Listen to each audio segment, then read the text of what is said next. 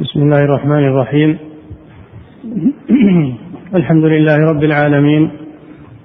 والصلاة والسلام على نبينا محمد وعلى آله وأصحابه أجمعين. أما بعد قال المؤلف رحمه الله تعالى فصل تطهر أرض ونحوها بإزالة عين النجاسة وأثرها بالماء. بسم الله الرحمن الرحيم. الحمد لله رب العالمين. صلى الله وسلم على نبينا محمد وعلى آله وأصحابه أجمعين. هذا الفصل في إزالة النجاسة لأن من شروط صحة الصلاة الطهارة في الثوب والبدن والبقعة.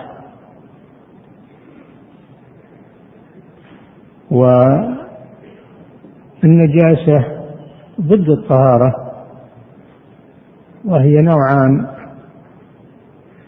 نجاسة معنوية وهي نجاسة المشرك. قال تعالى إنما المشركون نجس فلا يقربوا المسجد الحرام بعد عامهم هذا. هذه نجاسة معنوية ويطهرها التوحيد النطق بشهادة أن لا إله إلا الله وأن محمدا رسول الله. هذا تطهيرها. فإن تابوا وأقاموا الصلاة وآتوا الزكاة فإخوانكم في الدين. النوع الثاني نجاسة حسية. نجاسة حسية. وهي نوعان. النوع الأول نجاسة عينية. لا يمكن تطهيرها. كنجاسة الكلب والخنزير والحمار. هذه لا يمكن تطهيرها. ولو غسلته ولو لأنه نجس العين. النوع الثاني نجاسة حكمية وهي الطارئة على محل طاهر. وهذه محل البحث الآن. النجاسة الحكمية وهي الطارئة على محل طاهر كالثوب والبدن والبقعة. وهي ثلاثة أنواع. طهارة مخففة يكفي فيها النضح كطهارة كبول الغلام الذي لم يأكل الطعام فإنه يكفي فيه النضح وكنجاسة ال كنجاسة ال آه، آه، كنجاسة ال ال الذي يخرج من الذكر وهو المذي نجاسة المذي. هذه طهارة هذه نجاسة مخففة يكفي فيها النضح. يكفي نضح المذي إذا أصاب الثوب أو البدن أو البقعة. يكفي أنه يرش وينضح لأنها نجاسة مخففة. النوع الثاني نجاسة مغلظة وهي نجاسة الكلب والخنزير نجاسة ريق الكلب وبول الكلب والخنزير فضلاته فضلات الكلب والخنزير هذه نجسة نجاسة مغلظة. بمعنى أنه لا بد من غسلها سبع مرات إحداها بالتراب. إحداها بالتراب لأنها مغلظة. الثالث نجاسة متوسطة بين الخفيفة والمغلظة وهي سائر النجاسات كنجاسة البول والغائط والدم. فهذه يكفي أن تغسل حتى تزول يزول أثرها من لون أو طعم أو ريح. ثم هذه النجاسة حسب موقعها أو ما تقع عليه تنقسم إلى قسمين. أن تقع على الأرض أو ما هو متصل بالأرض. لا يمكن عركه ولا يمكن تقليبه ولا. فهذا يكفي أن يصب عليه الماء. أن يصب عليه الماء. كما صح في الحديث أن أعرابيا بال في طائفة المسجد مسجد الرسول صلى الله عليه وسلم. فهم الصحابة أن يوقعوا به. فقال لهم النبي صلى الله عليه وسلم دعوه. فتركوه حتى فرغ من بوله. ثم أمر النبي صلى الله عليه وسلم بذنوب. يعني دلو أو سجل مملوء بالماء فصب عليه. ثم إنه علم هذا الجاهل قال له إن المساجد لم تبنى لذلك وإنما بنيت لذكر الله والصلاة. علمه صلى الله عليه وسلم بلطف لأنه جاهل أتعمد هذا الشيء.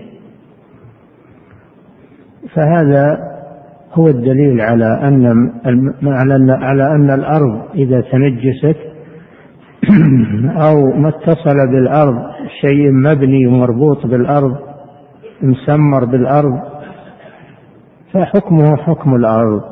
يصب عليه الماء يكاثر بالماء ويكفي هذا.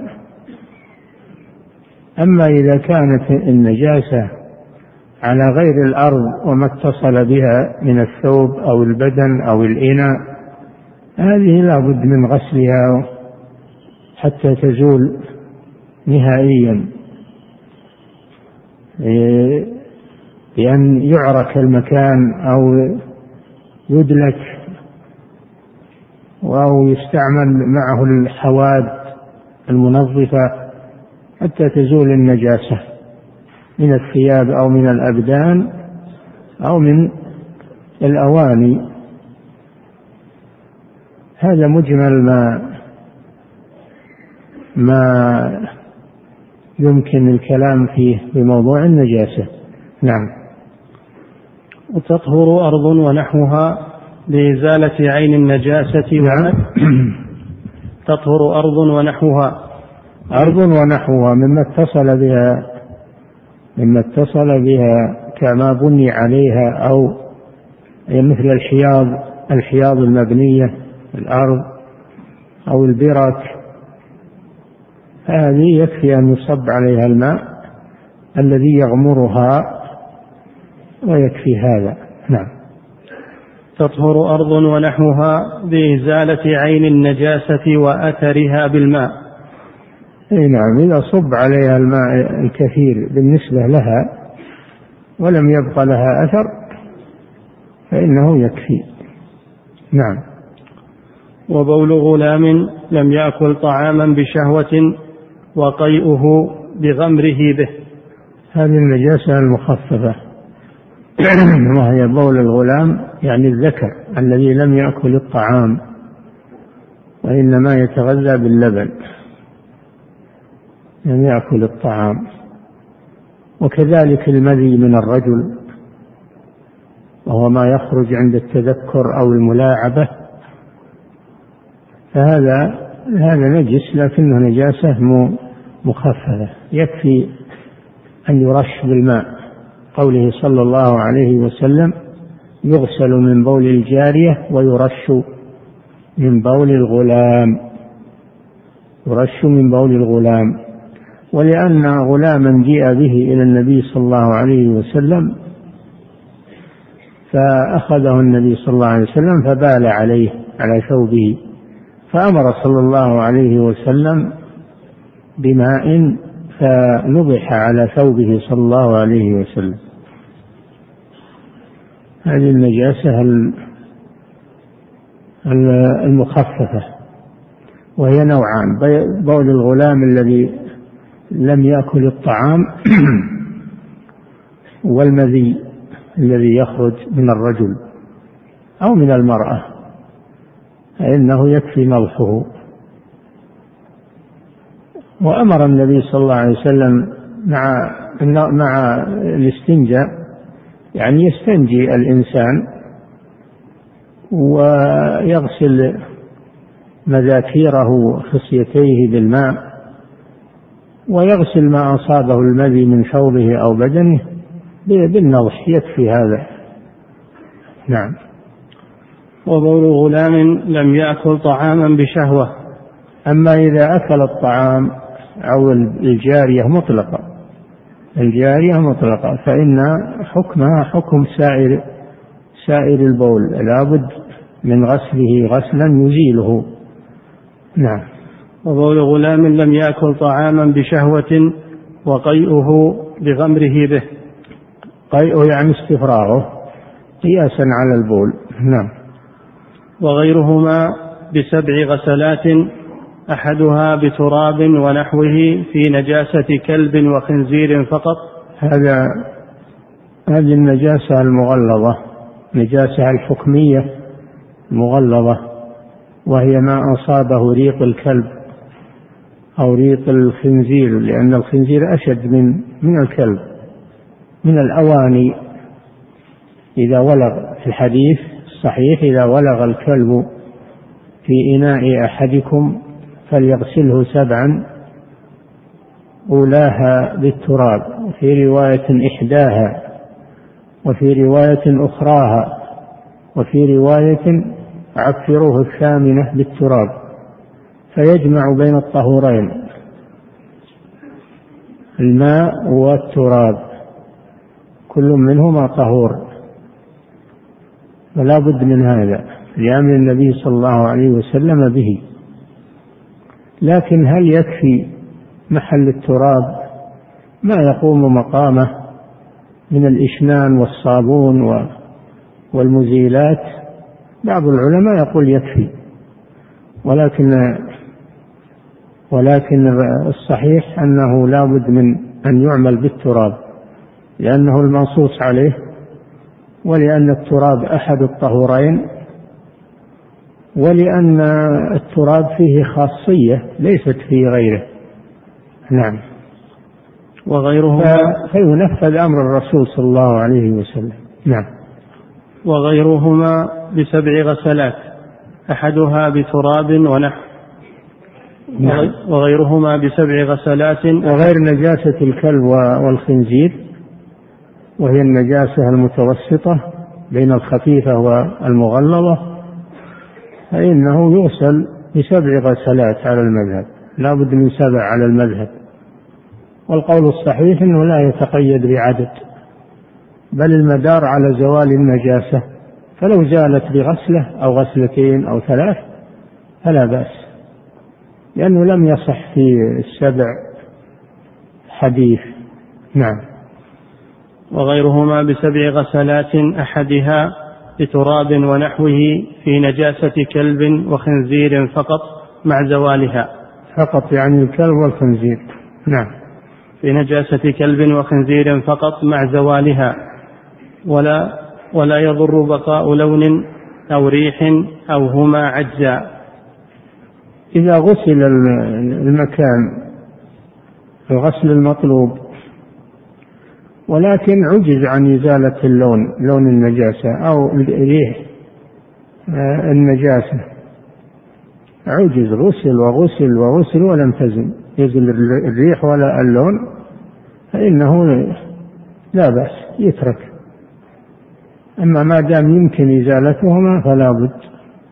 لأن بقاء الأثر دليل على بقاء النجاسة. لكن إذا عجز عنه فإنه لا واجب مع عجز. نعم. وتطهر خمرة انقلبت بنفسها خلا وكذا دنها. الخمر نجسة العين. الخمر نجسة العين.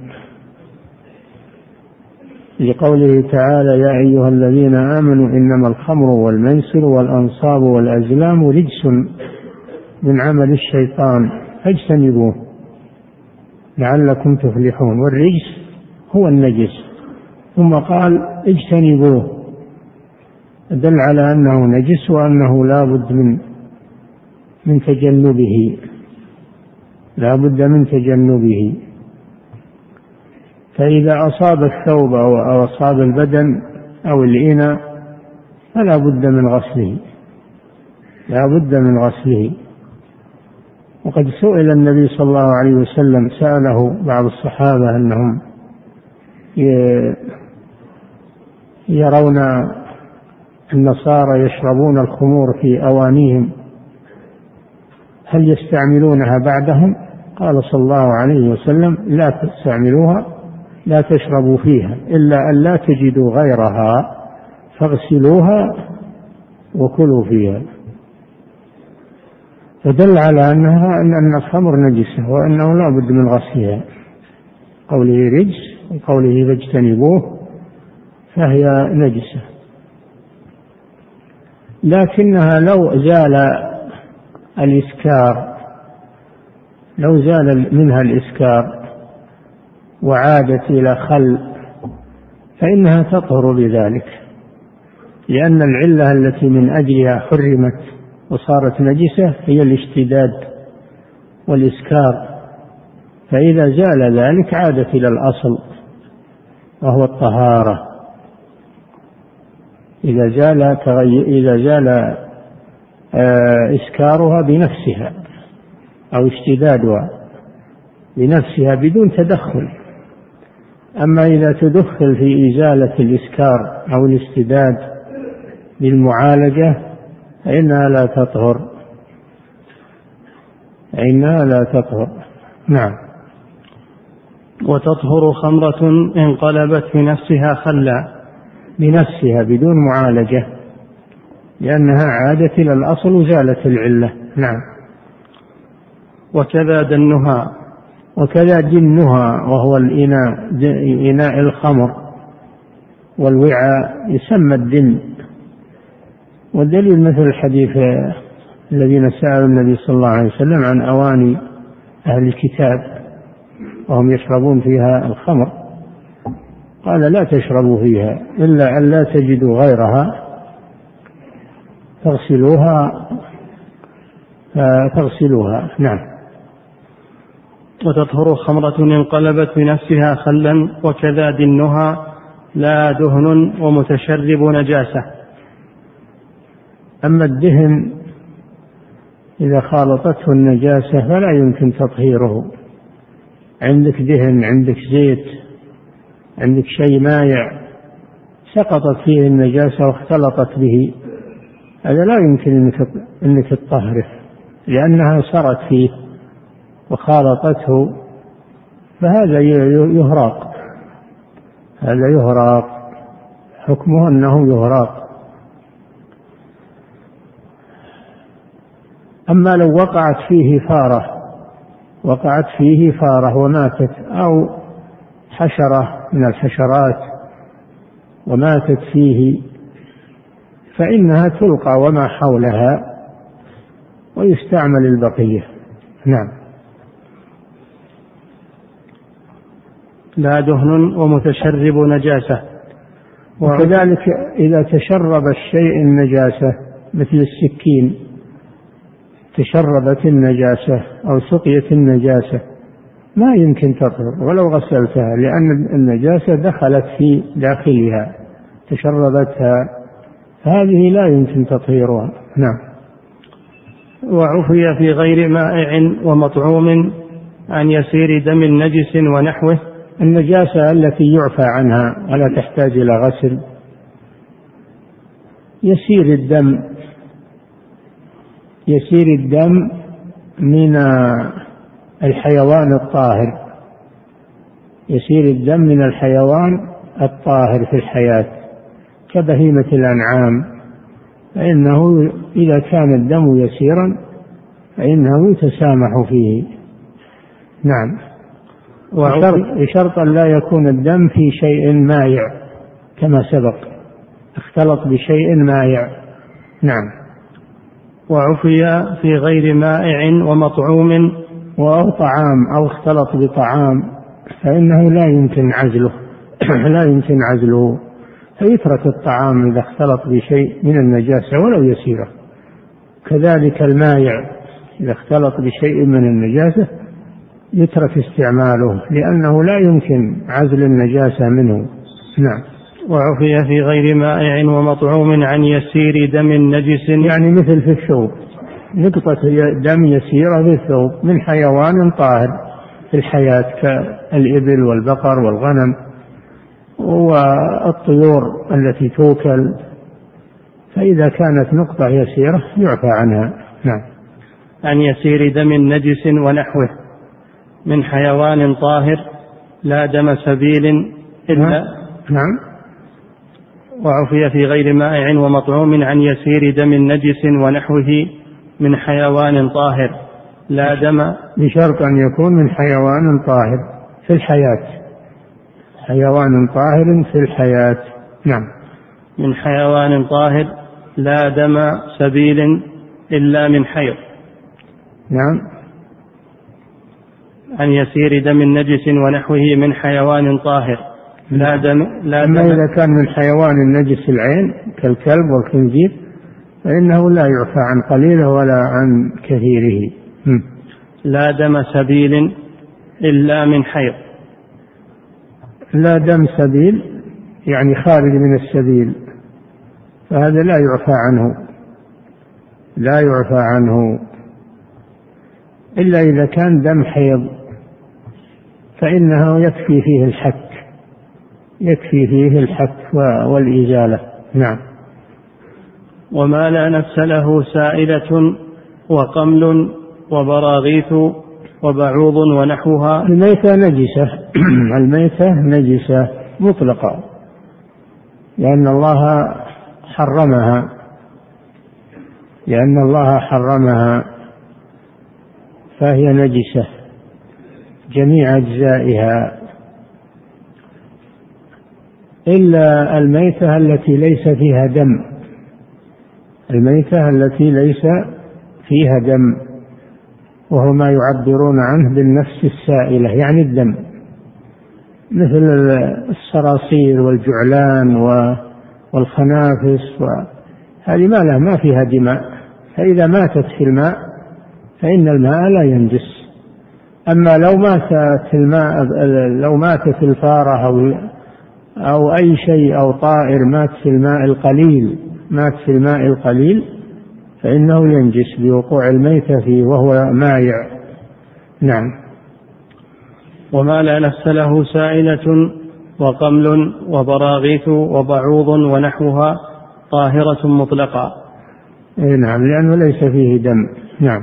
ومائع مسكر وما لا يؤكل من طير وبهائم مما فوق الهر مما فوق الهر خلقة ولبن ومني من غير آدمي وبول وروث ونحوها من غير مأكول اللحم نجسة ومنه شيء شيء شيء نعم. ومائع مسكر. نعم المائع المسكر هذا نجس كما سبق. جميع أنواع المسكر فإنه نجس العين. نجس العين. هذا واحد. نعم. وما لا يؤكل من طير وبحر وما لا يؤكل من الميتات من طير وغيره إنه نجس. نعم. وما لا يؤكل من طير وبهائم مما فوق الهر خلقة. هذا نعم وما لا يؤكل وما إيش؟ وما لا يؤكل من طير وبهائم مما فوق وما وما لا يؤكل من الحيوانات وهذا في حي ما هو ميت.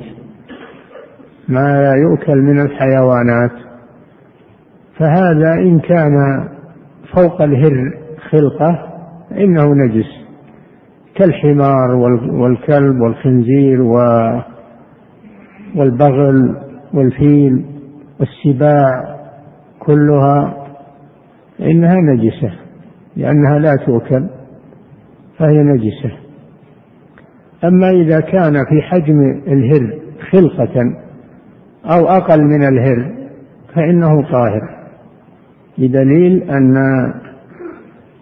أن النبي صلى الله عليه وسلم قال في الهرة إنها ليست بنجس إنها من من الطوافين عليكم.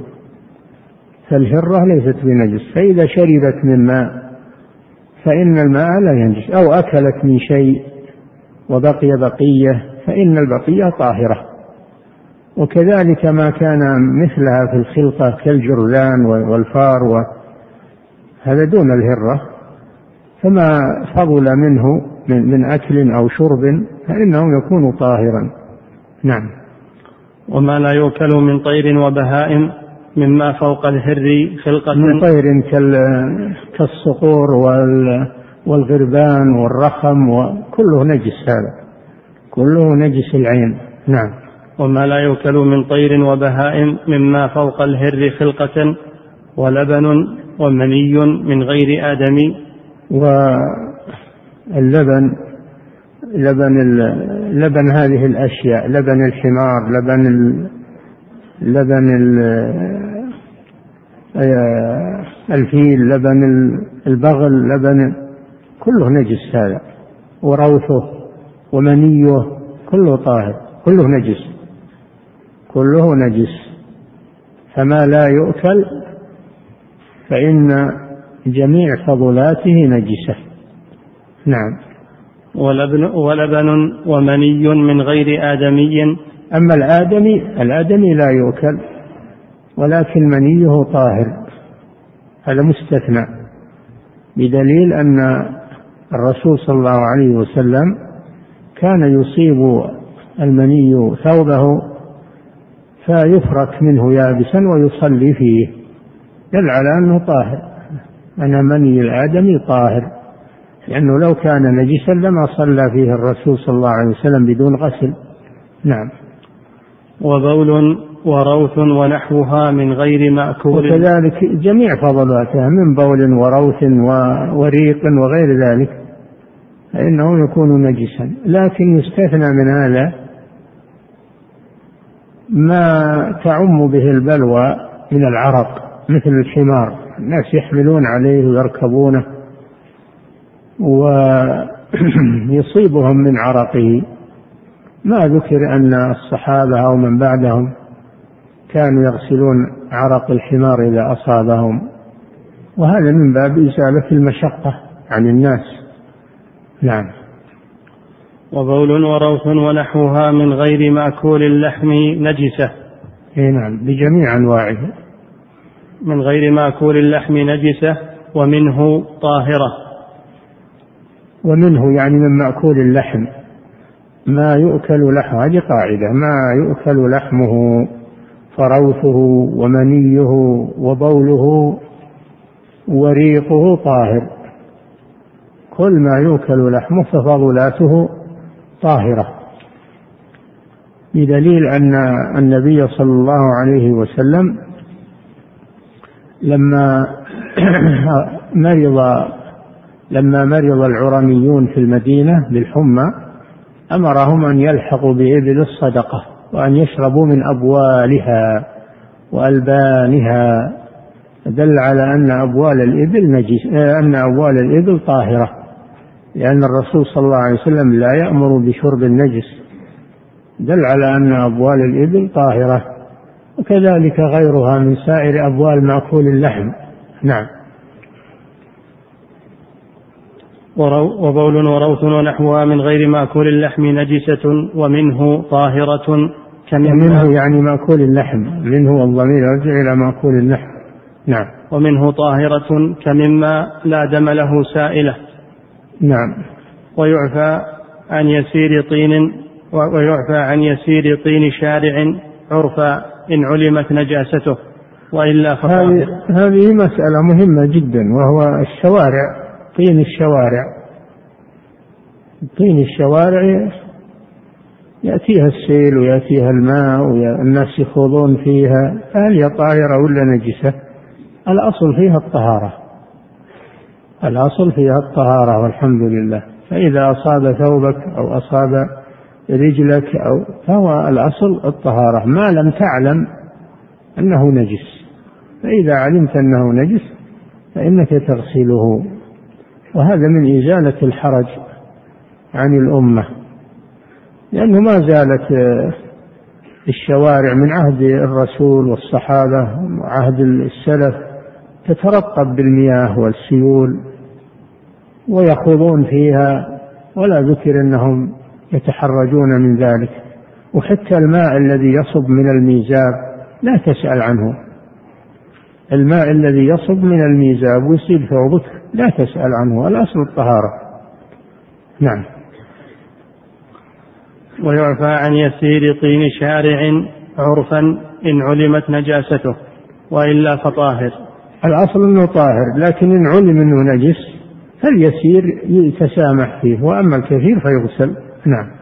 عن يسير طين شارع عرفا إن علمت نجاسته. عرفا يعني اليسير ما ضابطه قال يرجع فيه إلى العرف. فما عده الناس يسيرا فإنه يتسامح فيه. نعم. إن علمت نجاسته وإلا فطاهر فصل في الحيض. نعم. أصل في الحيض لأنه ما زال ما زال في في كتاب الطهارة. والحيض يحتاج إلى طهارة. للحائض. الحيض في اللغة السيلان. يقال سال الوادي يقال حاض الوادي إذا سال. فهو في اللغة معناه السيلان. وأما في الشرع فالحيض هو دم طبيعة وجبلة يخرج من فرج المرأة في أوقات معينة. دم طبيعة وجبلة ليس دم مرض أو جرح وإنما هو شيء معتاد. يخرج من المرأة في أوقات معينة في أوقات معينة. طبيعة وجبلة يخرج في أوقات معينة بخلاف دم الجرح. أو دم الاستحاضة كما يأتي النزيف هذا لا هذا ليس حيضا. ومخرجه يقول الفقهاء مخرجه من عرق في أسفل الرحم. من أسفل الرحم عرق في أسفل الرحم يسمى العادل. يخرج منه دم الحيض. والحكمة في خلقه ووجوده تغذية الحمل. لأن الحمل يتغذى في بطن أمه بهذا الدم ويأتيه عن طريق السرة. يدخل فيه في جسمه عن طريق السرة ويتغذى به.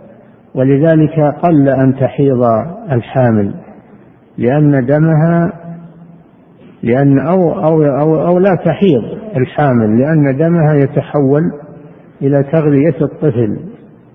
وتعرف النساء حملها بانقطاع الحيض وارتفاعه. فإذا ولدت انصرف هذا الدم إلى لبن تحول إلى لبن ويخرج من طريق الثديين فيرضعه الطفل. ولذلك قل أن تحيض المرضع. لأن دمها يتحول إلى لبن. هذه الحكمة من خلقه في المرأة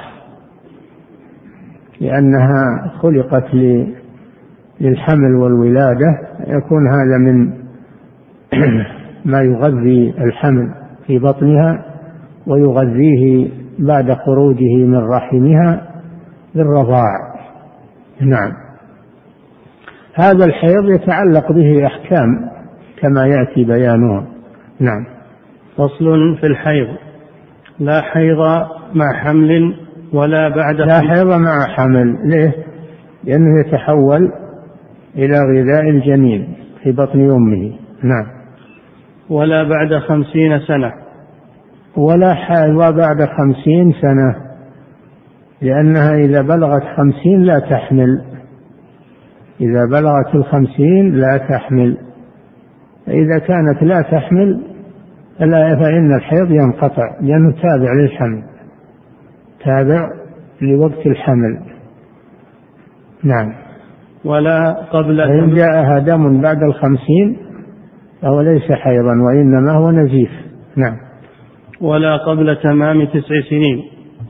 هذا السن الذي تحيض له النساء يبدأ من تسع وينتهي بخمسين. التي بلغت خمسين تسمى الآيسة. الآيسة من الحمل. والتي لم تبلغ آه، سن آه، العاشرة هذه تسمى الصغيرة. إذا طلقت وهي صغيرة أو طلقت وهي بعد الخمسين بماذا تعتد؟ الحائض تعتد بالحيض. قال تعالى والمطلقات يتربصن بأنفسهن ثلاثة قروء. يعني حيض. فإذا كان ما في حيض وطلقت لماذا تعتد؟ تعتد بالأشهر. قال تعالى واللائي يئسن من المحيض من نسائكم إن ارتبتم فعدتهن ثلاثة أشهر. واللائي لم يحضن لصغر أو بلغن ولكن لم ينزل عليهن الحيض. يعني فيه من النساء من لا تحيض أصلا. نعم فهذه تعتد بالأشهر. فالأشهر بدلا من الحيض. ثلاثة أشهر. نعم. لا حيض مع حمل ولا بعد خمس خمسين سنة ولا قبل تمام تسع سنين. ولا قبل تمام تسع سنين. أقل سن تحيض له المرأة تسع سنين. ولأنها قد تحمل في هذا السن. قد تحمل البنت وهي تسع سنين. هذا أصغر سن تحيض له وتحمل له الأنثى. قبل التسع ما يمكن. نعم. وأقله يوم وليلة. الحمل له سن. عرفنا السن. السن من تسع إلى خمسين. له مدة. ما هي المدة؟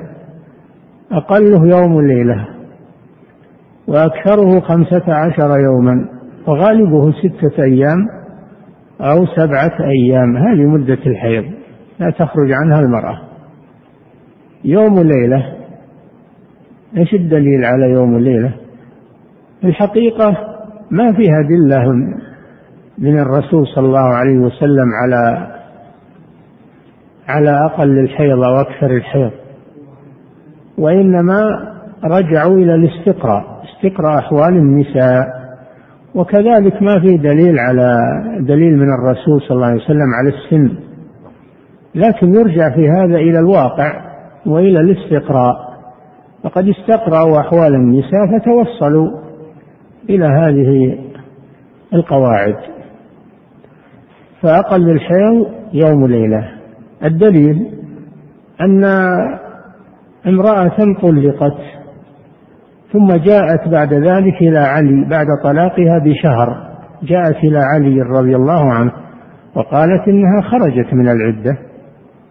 شهر واحد خرجت من العدة مع أن الحائض لابد من ثلاث حيض.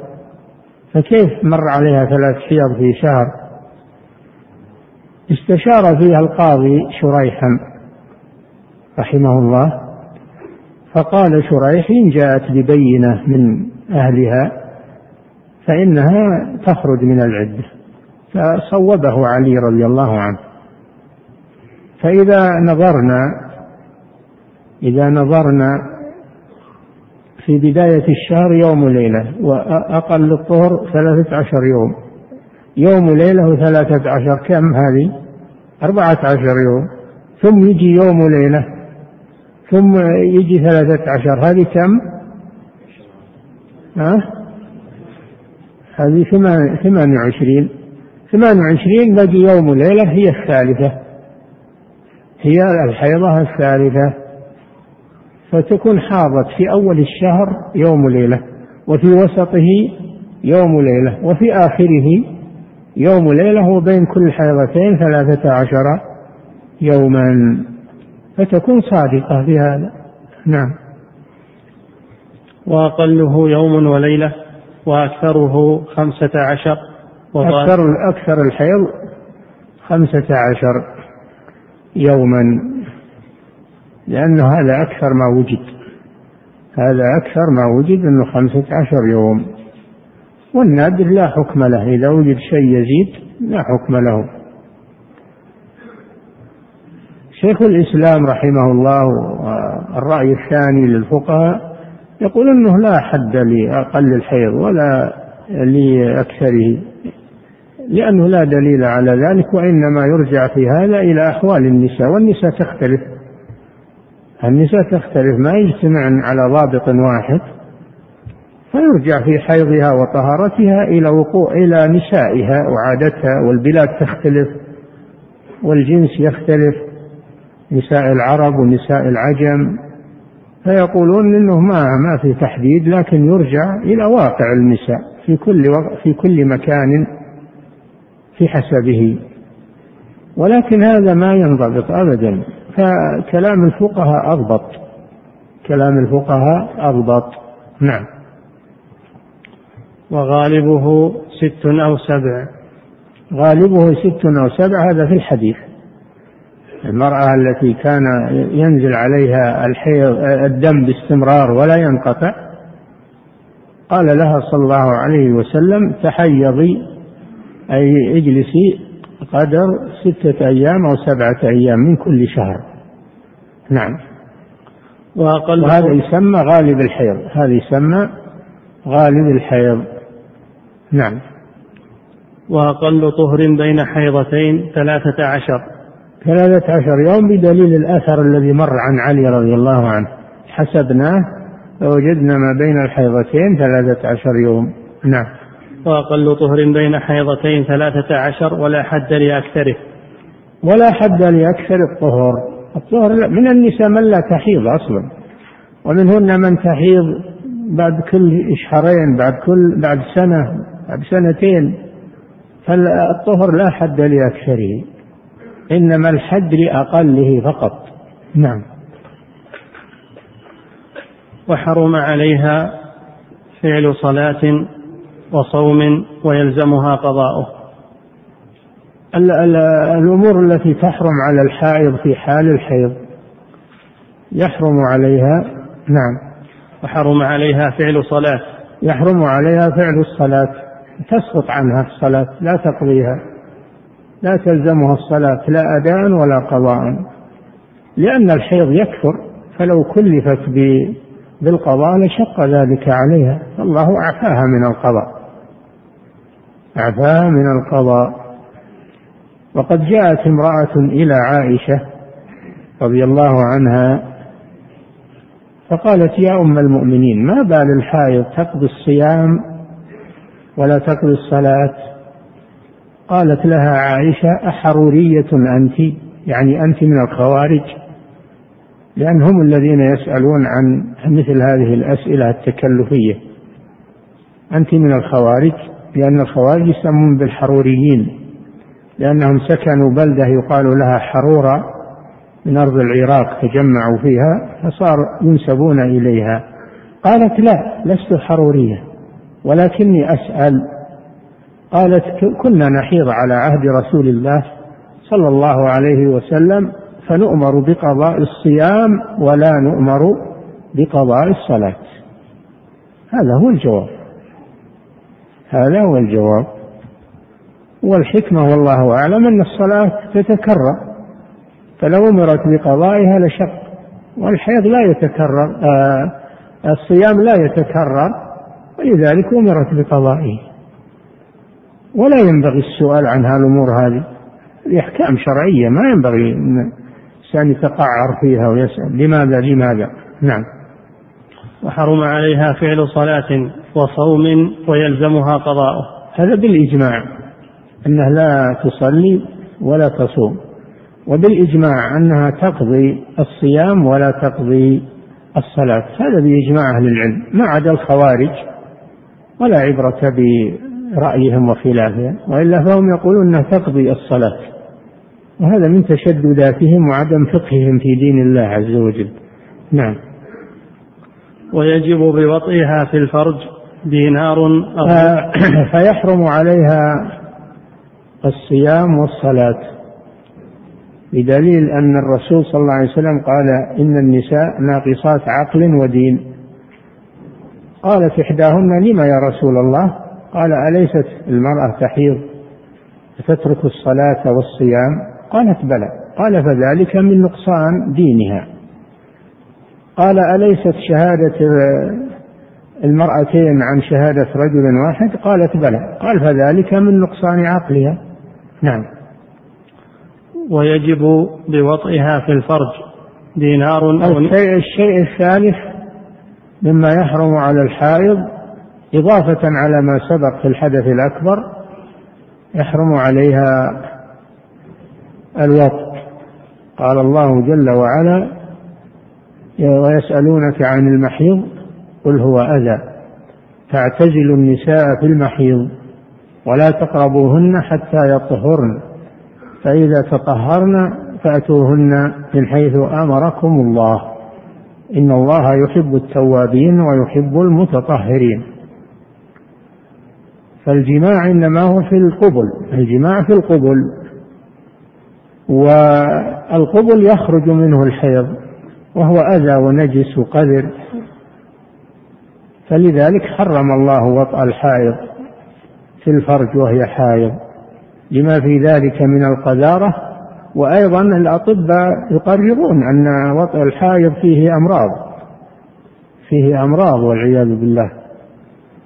والشارع حرمه لحكم عظيمة. والله جل وعلا يقول ولا تقربوا النساء في المحيض.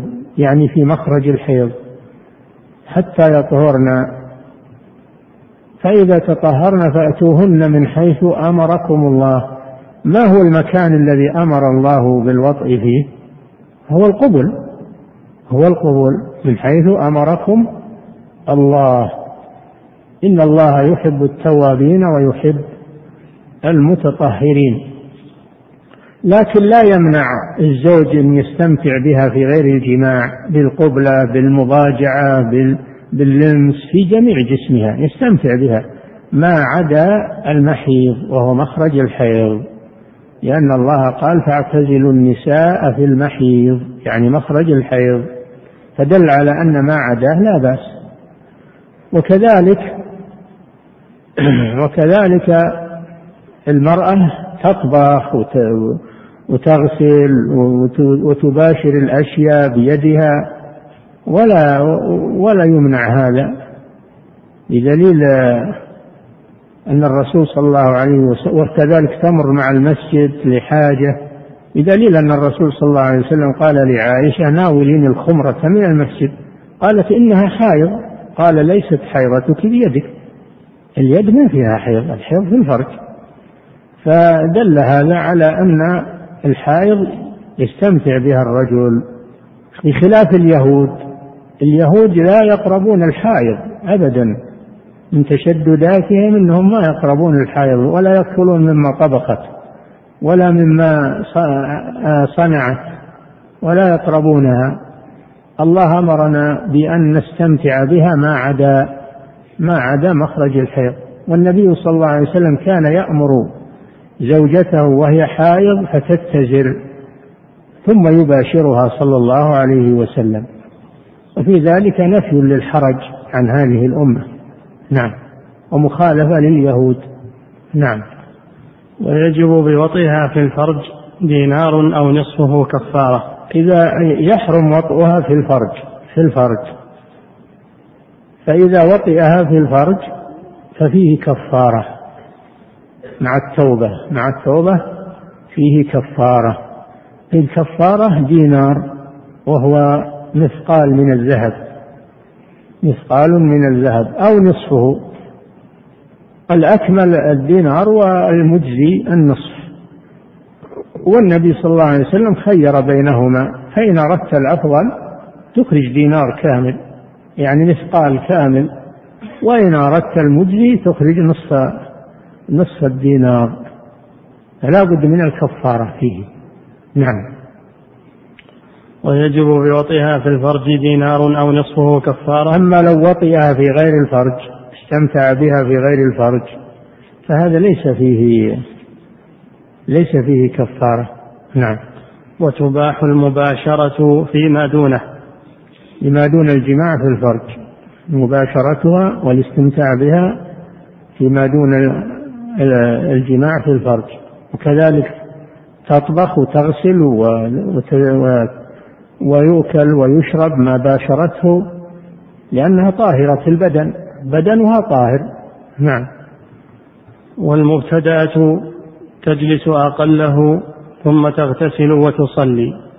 فإن لم يجاوز عرفنا فيما سبق أن أقل الحيض يوم وليلة وأن أكثره خمسة عشر يوما وأن متوسطه وغالبه ستة أيام أو سبعة أيام. عرفنا هذا.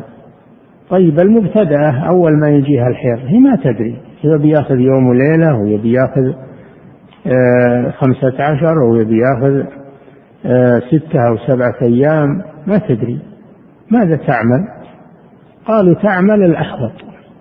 تجلس يوم وليلة أقل الحيض من كل شهر. حتى يتكرر ثلاثة أشهر فإذا تقرر تنتقل إليه. تنتقل إلى ما تقرر وتقضي تقضي آه، العبادة التي فعلتها في في في الماضي. نعم. وهذا فيه مشقة. هذا فيه مشقة على النساء. ولكن ولا دليل عليه ليس عليه دليل واضح. والواضح أنها تجلس ما دام الحيض ينزل عليها تجلس إلى أن يبلغ خمسة عشر يوم. إذا بلغ الأكثر تغتسل. ولا نقول له يوم وليلة ثم انتظري ثلاث ثلاث أشهر. ثم إذا شفتي بعد الثلاثة الأشهر تقررت العادة تنتقلين إليها وتقضين العبادات هذا كله حرج ولا دليل عليه. فنقول المبتدأة تجلس ما دام الحيض ينزل عليها. إلى أن تبلغ خمسة عشر يوم إن انقطع قبلها تغتسل وإن لم ينقطع فإنها إذا مضى خمسة عشر يوم تغتسل. هذا أكثر الحيض. وهذا أسهل وأيسر. نعم. والمبتدأة تجلس أقله ثم تغتسل وتصلي. شوف. فإن لم يجاوز دمها أكثره اغتسلت أيضا إذا انقطع. فإن تكرر ثلاثا فهو حيض تقضي ما وجب فيه. وإن هذا صعب. هذا صعب. والصواب أنها تجلس ما دام الدم ينزل عليها إلى أن يأتي عليها خمسة عشر يوم. نعم. إن انقطع قبله تغتسل وتصلي وإن لم ينقطع فآخر حدث خمسة عشر يوم. نعم. وإن, وإن أيست قبله أو لم يعد فلا. إذا إذا أيست بلغت سن الإياس قبل التكرر أو آه لم يعد حيضها انقطع حيضها ولم يعد فإنها لم يتقرر لها عادة على هذا القول. نعم. وإن جاوزه فمستحاضة إذا جاوز الخمسة عشر ولم ينقطع فإنه يدل على أنه نزيف وليس حيضا فتغتسل على تمام الخمسة عشر ولو لم ينقطع تغتسل وتصلي وتتوضأ لكل صلاة. تتوضأ لكل صلاة لأنه حدث دائم مثل السلف. وأما الاغتسال لكل صلاة فلا يلزمها ذلك. إنما الذي يلزمها الوضوء فقط. نعم. وإن جاوزه فمستحاضة تجلس المتميزة إن والاستحاضة الاستحاضة هي خروج الدم هي خروج الدم من غير من غير آه، فترة معينة. يخرج مستمرا. هذا هو أو أو الاستحاضة استمرار الدم معها. ولا يتقيد بفترة لا بيوم وليلة ولا بستة أيام أو سبعة أيام ولا بخمسة عشر يوم بل يستمر. هذه تسمى مستحاضة. والاستحاضة يقولون سيلان الدم في غير أوقاته في غير أوقاته. هذه هي الاستحاضة. وهي نزيف وليس دم طبيعة ولا جبلة وإنما هو نزيف كنزيف الجرح كنزيف الجرح تماما.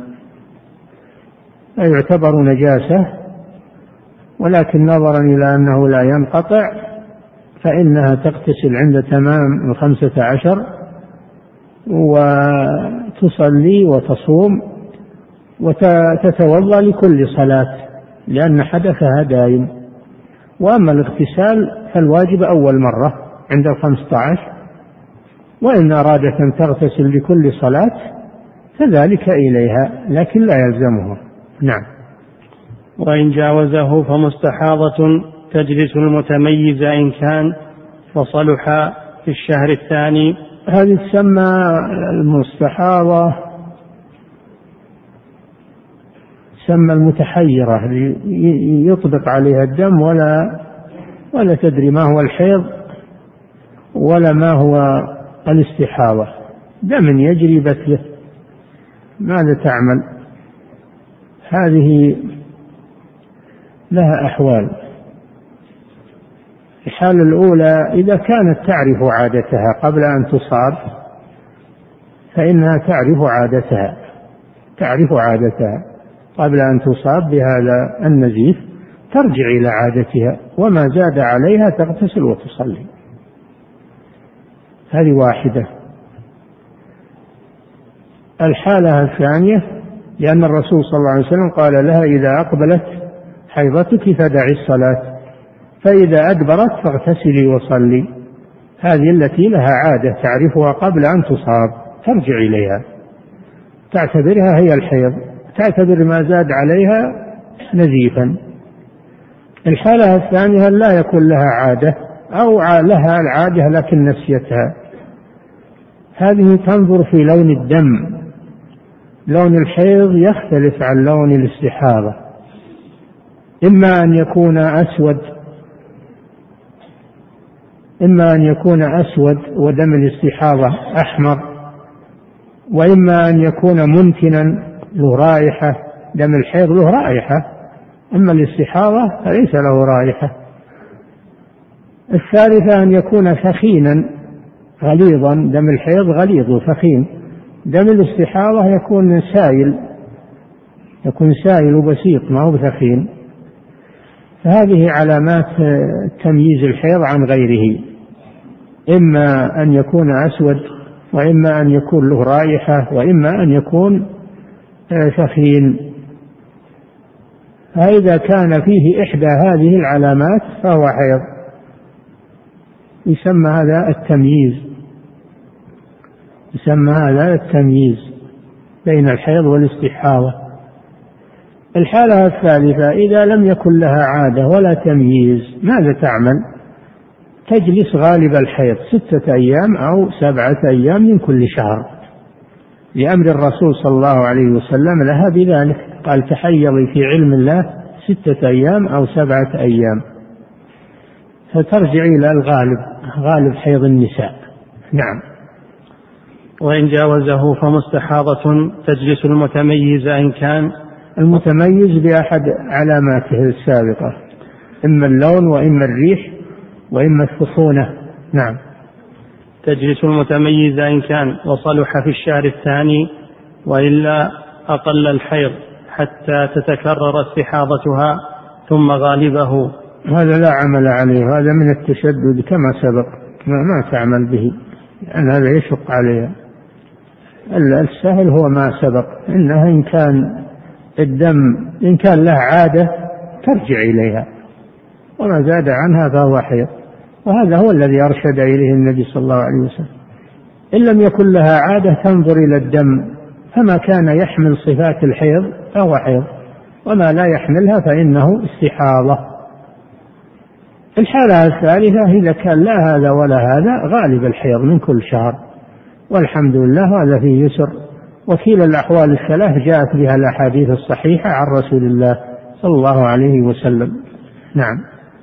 ومستحاضة معتادة تقدم عادتها. هذه الحالة الأولى. نعم. ويلزمها ونحوها غسل المحل وعصبه يعني إذا تمت عادتها سواء المعتادة أو المتميزة أو الغالب إذا مضت عادتها والدم ينزل فماذا تعمل؟ تستنجي وتعصب على فرجها. حافظا يمنع تسرب الدم ثم تتوضأ وتصلي. وتعمل هذا عند كل صلاة. تعيد الاستنجاء وتعيد عصب الفرج ثم تعيد الوضوء وتصلي عند كل صلاة. نعم. ويلزمها ونحوها غسل المحل وعصبه والوضوء لكل صلاة إن خرج شيء ونية الاستباحة. نعم. يعني تستبيح الصلاة لأن الحدث يمضي والمحدث لا يصلي لكن هذه يباح لها الصلاة تنوي الاستباحة. نعم. وحرم وطوها إلا مع خوف زنا. الحائض يحرم وطوها بالإجماع بالنص بالنص والإجماع. المستحاضة ما يحرم وطوها لكن الأحوط أنه لا يطأها هذا هو الأحوط. نعم. وحرم وطوها إلا مع خوف زنا. وأكثر مدة النفاس أربعون يوما. انتهى من الحيض ومعركتها. الحيض معركة عظيمة. والله جل وعلا يقول آه، قل هو أذى.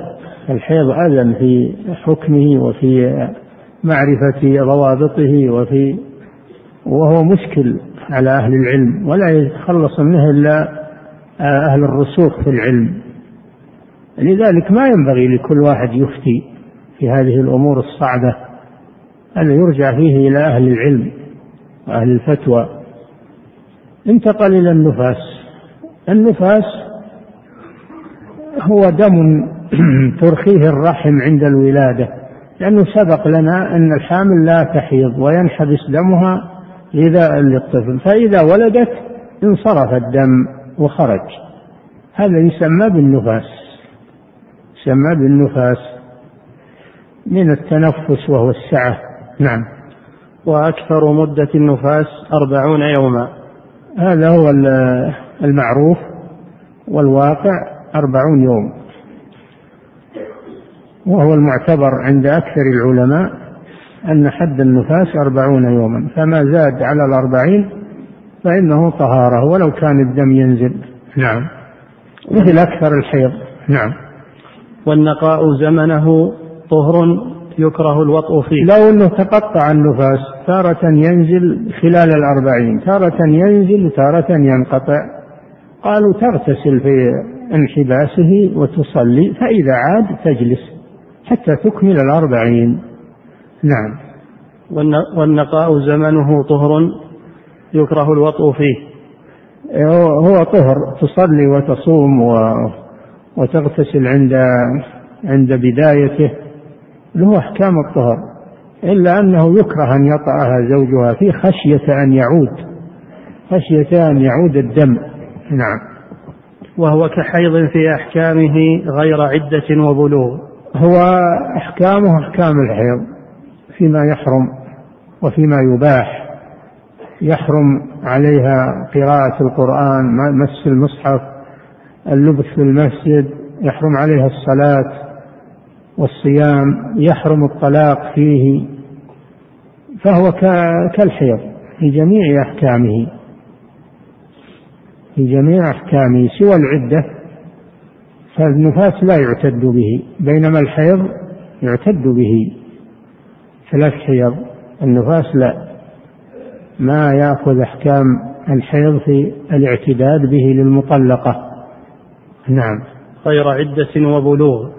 وبلوغ لأن سبق لنا أن علامات البلوغ إما إما الاحتلام وإما الإنبات وإما بلوغ خمسة عشر سنة هذا بالنسبة للذكور والإناث. تزيد الجارية علامة رابعة وهي الحيض وهي الحيض. النفساء تبلغ بالنفاس؟ مثل ما تبلغ بالحيض قالوا ما حاجة إليه لأنها إذا إذا حملت فقد أنزلت فهي احتلمت. الاحتلام يعني معناه الإنزال. فإذا حملت فهذا الدليل على أنها أنزلت ومن أنزل فقد بلغ. ولا حاجة إلى الرجوع للنفاس. نعم. كتاب الصلاة. يكفي. حتى الصلاة حضرت الآن. نعم. يقول فضيلة الشيخ وفقكم الله ما يسمى بالمطهرات الكيميائية. هل تطهر النجاسة وتزيلها؟ لا لا. لا يزيل النجاسة إلا الماء لأن الله جعله طهورا. وأنزلنا من السماء ماء طهورا. وأنزل من السماء ماء ليطهركم به. فدل على أن مادة التطهير للنجاسات هو الماء وحده. فلا تزول ببقية المائعات. نعم. يقول فضيلة الشيخ وفقكم الله وكذلك التطهير بما يسمى بالبخار. هل يكفي في إزالة النجاسة عن الأقمشة؟ إذا زالت النجاسة تماما لأن البخار معه ماء أكيد معه ماء. فإذا زالت النجاسة به لا أثر لا لون ولا ريح ولا طعم فإنه يطهر. نعم. يقول فضيلة الشيخ وفقكم الله التطهير بالعوامل المسماة بالطبيعية كالشمس والريح هل هي معتبرة شرعا؟ فإذا كان المحل ترابا مكشوفا أو أرضا مبلطة فتعرضت للشمس أو الريح فهل تزول النجاسة الواقعة عليها سابقا؟ إذا كانت هذا في هذا في في البر والأراضي التي تطرقها الشمس والريح. فإذا زالت النجاسة نهائيا ولم يبق لها أثر فإنها تطهر بذلك. لأن المقصود زوال النجاسة. فإذا زالت بهذه الأشياء ولم يعد لها أثر فإنها تطهر بذلك. وأنت لو جيت محل لازم تقول بشوفه خاف به نجاسة. خاف به نجاسة. ما أنا مصلي به يصير معك وسواس. ها الأصل الطهارة والحمد لله. الأصل الطهارة. وجعلت لي الأرض مسجدا وطهورا إذا رأيت نجاسة فلا بد من إزالتها أو تجنبها. ما ما ترى نجاسة صل. الحمد لله. نعم.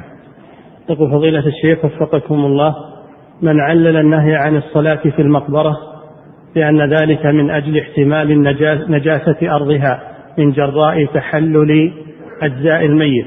فهل تعليله صحيح؟ تعليل باطل. هذا يريد الفرار من من وسائل الشرك. يقولون ما ما ما في مانع من الصلاة عند القبر. ويخالفون قول الرسول صلى الله عليه وسلم في النهي عن اتخاذ القبور مساجد. يريدون الفرار من هذا. يقولون لا النهي عن ذلك خشية النجاسة. طيب وين النجاسة؟ ما في نجاسة. والميت ببطن الأرض. طلع منه شيء. هذا تعليل بارد وباطل. نعم. والعلة هي قطع وسائل الشرك. هذه هي العلة. نعم. يقول فضيلة الشيخ وفقكم الله الحذاء إذا أصابته النجاسة فهل يكفي دلكه بالأرض أم لا بد من الماء؟ والله في الحديث أنه إذا أراد أحدكم أن يدخل المسجد فلينظر في نعليه فإن رأى عليهما شيئا فليدلكه في التراب يصلي. هذا دليل على أنه يطهر باطن أو أسفل النعل بالدلك بحيث تزول النجاسة. نعم. يقول فضيلة الشيخ وفقكم الله يذكر بعض الفقهاء أن ثوب المرأة الطويل إذا مشت به على أرض نجسة أنه يطهره مشيها على ما بعده من الأراضي الطاهرة. كذلك مثل النعل هذا ذكروه نعم واعتبروه مثل النعل. إذا كان في أسفله أثر نجاسة ودلك فإنه يطهر. مثل ثوب المرأة أيضا. وهذا من إزالة الحرج عن هذه الأمة. نعم.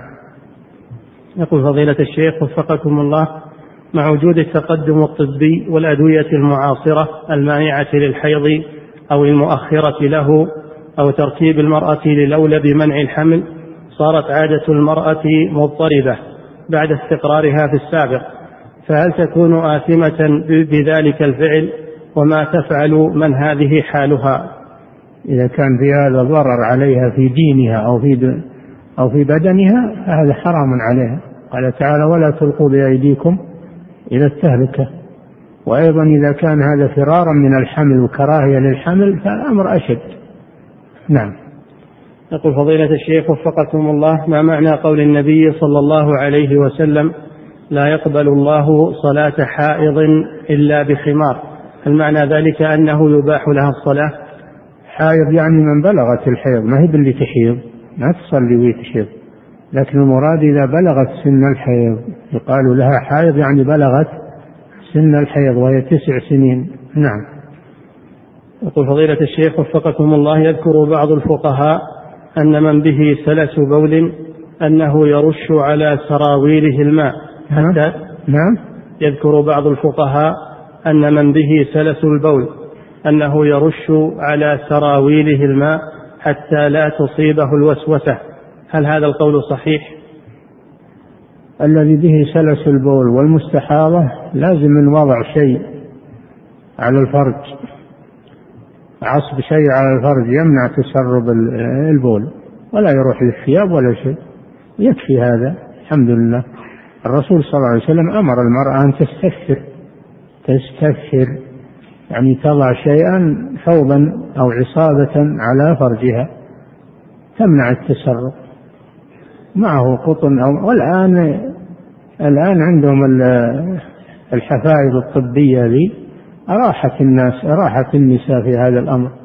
نعم. يقول فضيلة الشيخ وفقكم الله ما معنى النظر؟ أما إذا أصاب إذا أصاب البول الثوب من من السلس البول أو من غيره فلا بد من غسله. إذا تيقن هذا أما مجرد الشك الشك لا يوجب شيء الأصل الطهارة. نعم. يقول فضيلة الشيخ وفقكم الله ما معنى النضح؟ هل هو صب الماء مع شيء من الدلك؟ معنى النضح الرش بدليل الرواية أمر أن يرش من بول الغلام يرش. نعم. يضخ بالماء. نعم. يقول فضيلة الشيخ وفقكم الله إذا أصاب الثوب أو السروال قليل قليل دم من الفرج هل يعفى عنه أم لا بد من غسله؟ لا بد من غسله. الدم نجس ولا سيما إذا كان دم حيض فإنه لا بد من إزالته. نعم. يقول فضيلة الشيخ وفقكم الله يستثني بعض الفقهاء مما لا نفس له سائلة صراصير الكنف. إي نعم صحيح هذا لأنه متلبسة بالنجاسة. صراصير الكنف اللي تخرج من محل قضاء الحاجة هذه نجسة. فإذا فإذا وقعت في الماء حتى لو ما ماتت إذا وقعت في الماء وهو قليل نجسته. نعم. وما المراد لأنها متلبسة لأنها متلبسة بالنجاسة. لا من أجل أنها نجسة هي أصلها. نعم. يقول فضيلة الشيخ وما المراد بها؟ وفقكم الله. نعم هي التي تخرج من محل قضاء الحاجة. نعم. يقول فضيلة الشيخ وفقكم الله. يخرج البول أحيانا كلون الماء لا رائحة له وذلك إذا شرب الإنسان ماء كثيرا. فهل له حكم النجاسة المخففة؟ كبول الرضيع؟ لا. بول بول الذكر سواء كان كبيرا أو صغيرا وبول الأنثى التي التي لا ترضع. بول الأنثى مطلقة ترضع أو ما ترضع كله نجس نجاسة آه نجاسة مغلظة لا بد من غسلها. نعم. يقول فضيلة الشيخ. والبول نجس سواء كان لونه لون الماء أو كان متغيرا هو نجس. لازم من غسله. غسلا كاملا. نعم. يقول فضيلة الشيخ وفقكم الله المدرسات في دور تحفيظ القرآن قليلات وقد تأتي الدورة لهن في وقت واحد فهل يمتنعن عن تدريس القرآن جميعا حيث إن الدورة للجميع قد تستمر إلى عشرة أيام فتتعطل الدراسة؟ فهل لهن التدريس في هذه الحال؟ الحقيقة المرأة ما خلقت مدرسة ولا خلقت عاملة خارج بيتها. هذه هي الحقيقة لو, رجعنا إليها. وكونهم أخرجوا المرأة من بيتها وجعلوهن مدرسات وجعلوهن موظفات وجعلوهن لزمت عليه هذه الأمور الحرجة. فلو تركت النساء كما يعملن كما يليق بهن في بيوتهن لاسترحن من هذا العناء. لا يجوز للمرأة الحائض أن تقرأ القرآن ولا للجنوب. ما يجوز له يقرأ القرآن. نعم. يقول فضيلة الشيخ وفقكم الله هل يجوز للحائض مس المصحف من وراء حائل وكذلك كتب التفسير؟ من وراء حائل ما في بس. من وراء الحائل ما في بس. كتب التفسير التي ليس فيها المصحف لأن بعض كتب التفسير فيها المصحف مكتوب من المصحف صفحات كاملة. هذا مصحف ما هو تفسير لكن في هوامشه شيء من التفسير. هذا له حكم المصحف. أما التفسير الذي ليس فيه مصحف وإنما هو آيات مفسرة في أثناء التفسير هذا له حكم الكتب ما يأخذ حكم المصحف. نعم. يقول فضيلة الشيخ وفقكم الله هل يجوز للزوج أن يجامع زوجته بعد الطهر من الحيض وقبل أن تغتسل؟ لا. الله جل وعلا يقول حتى يطهرن يعني ينقطع الحيض. فإذا تطهرن يعني بشرطين. الشرط الأول انقطاع الدم الشرط الثاني الاغتسال. والمرتب على شيئين لا يحصل لوجود أحدهما فقط. نعم. فضيلة الشيخ وفقكم الله هذه امرأة تقول امرأة يأتيها دم يسير متقطع في أول كل شهر وهي في مدة الرضاع أي ترضع طفلها وهذا الدم المتقطع يستمر يوما أو يومين ويغلب على ظنها أنه ليس دم حيض لأنه ليس له آلام الحيض. سؤالها هل تترك الصلاة أم تصلي في هذه المدة؟ لا هذا حيض. يمكن تحيض المرضع يمكن تحيض. هم ما قالوا ما تحيض يقولون قل أن تحيض. فيمكن بعضها أنها تحيض وهي المرضع فما دام أنه ينزل عليها في أيام فإنها تعتبر حائضا. نعم. يقول فضيلة الشيخ وفقكم الله يمثل الفقهاء رحمهم الله لما يتشرب النجاسة بالسكين. فهل السكين تتشرب النجاسة مع أنها من حديد؟ نعم السكين والحديد يتشرب النجاسة ويتشرب السم. ولذلك فيها أسلحة مسمومة والعياذ بالله. إذا ضرب أو السكين إذا ضربت شيء فإن السم يسري في الجسم ويموت الإنسان. فالحديد يتشرب لأنهم يحمونه بالنار ثم يصبون عليه المادة هذه فتدخل فيه فلا يمكن نزعها منه بعد ذلك. نعم. يقول فضيلة الشيخ وفقكم الله هل تجبر المرأة الكتابية على الغسل بعد الجماع. سبق هذا سبق أنها تجبر على الاغتسال من الحيض لأجل يستمتع بها زوجها أما بعد الجماع لا لأنها ما هي مصلية هي كافرة ما هي مصلية لكن بعد الحيض تجبر. نعم. يقول فضيلة الشيخ وفقكم الله إذا كان طعام الطفل الأساسي اللبن وقد تعطيه أمه بعض الأطعمة فهل تغسل النجاسة فهل تغسل النجاسة التي من هذا الطفل؟ أي نعم إذا كان يأكل الطعام ولو مع الرضاع ولو كان يأكله مع الرضاع فإن هذا لم يستقل باللبن فيغسل بوله كغيره نعم يقول فضيلة الشيخ وفقكم الله ما هو الراجح في المرأة إذا كانت بعد خمسين سنة ورأت دما هل يعتبر حيض؟ لا بعد خمسين سنة يعتبر استحاضة يعتبر نزيف. نعم. يقول فضيلة الشيخ وفقكم الله من جامع زوجته بعد أن طهرت وقبل أن تغتسل فهل عليه كفارة في ذلك؟ هذا ما عليه كفارة لكن يحرم عليه يأثم يأثم بذلك. وليس عليه كفارة لأنه لم يطأ في الحيض. نعم. يقول فضيلة الشيخ وفقكم الله هل يجوز للمسلم أن يتعمد قتل الخنزير؟ المؤذي يقتل الخنزير أو غيره المؤذي يقتل. وأما غير المؤذي فلا يقتل. نعم. يقول فضيلة الشيخ وفقكم الله ما حكم المذي الذي أصاب الثوب أو البدن لكنه لا يعلم مكانه؟ ينضح ينضح حتى يغلب على ظنه. ينضح على جسمه وعلى ثوبه حتى يغلب على ظنه أنه أزاله. نعم. فضيلة الشيخ وفقكم الله هذه هذه امرأة تقول قد أشكل عليها أمرها وهو أنها تأخرت دورتها ثمانية أيام ثم أتاها الدم متكتلا وأحست بآلام في الظهر فهل يعتبر هذا دم حيض أم دم إسقاط؟ إيش يقول؟ تقول أشكل عليها أمرها وهو أنه تأخرت دورتها ثمانية أيام. ثمانية. ثمانية أيام. ثم أتاها دم متكتل وأحست بآلام في الظهر. فهل يعتبر دم حيض أم دم إسقاط؟ لا هذا دم حيض. انحبس عليها ثم خرج زال المانع وخرج. هو حيض. ما ثبت إنها حامل. نعم. يقول فضيلة الشيخ وفقكم الله بهيمة الأنعام إذا ماتت في الماء فهل تنجسه؟ بلا شك. بلا شك لأنها نجسة الميتة نجسة. نجسة العين فإذا ماتت في ماء قليل فإنه ينجس. نعم. لأنها فيها دم فيها نفس سائلة. النفس السائلة يعني الدم.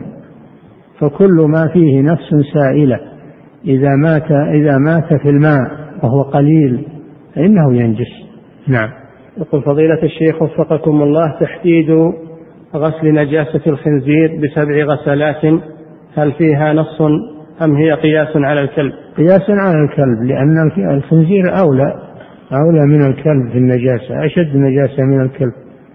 فإنه رجس. الله جل وعلا يقول أو لحم خنزير فإنه رجس. نعم. يكفي. والله أعلم. صلى الله وسلم على نبينا محمد.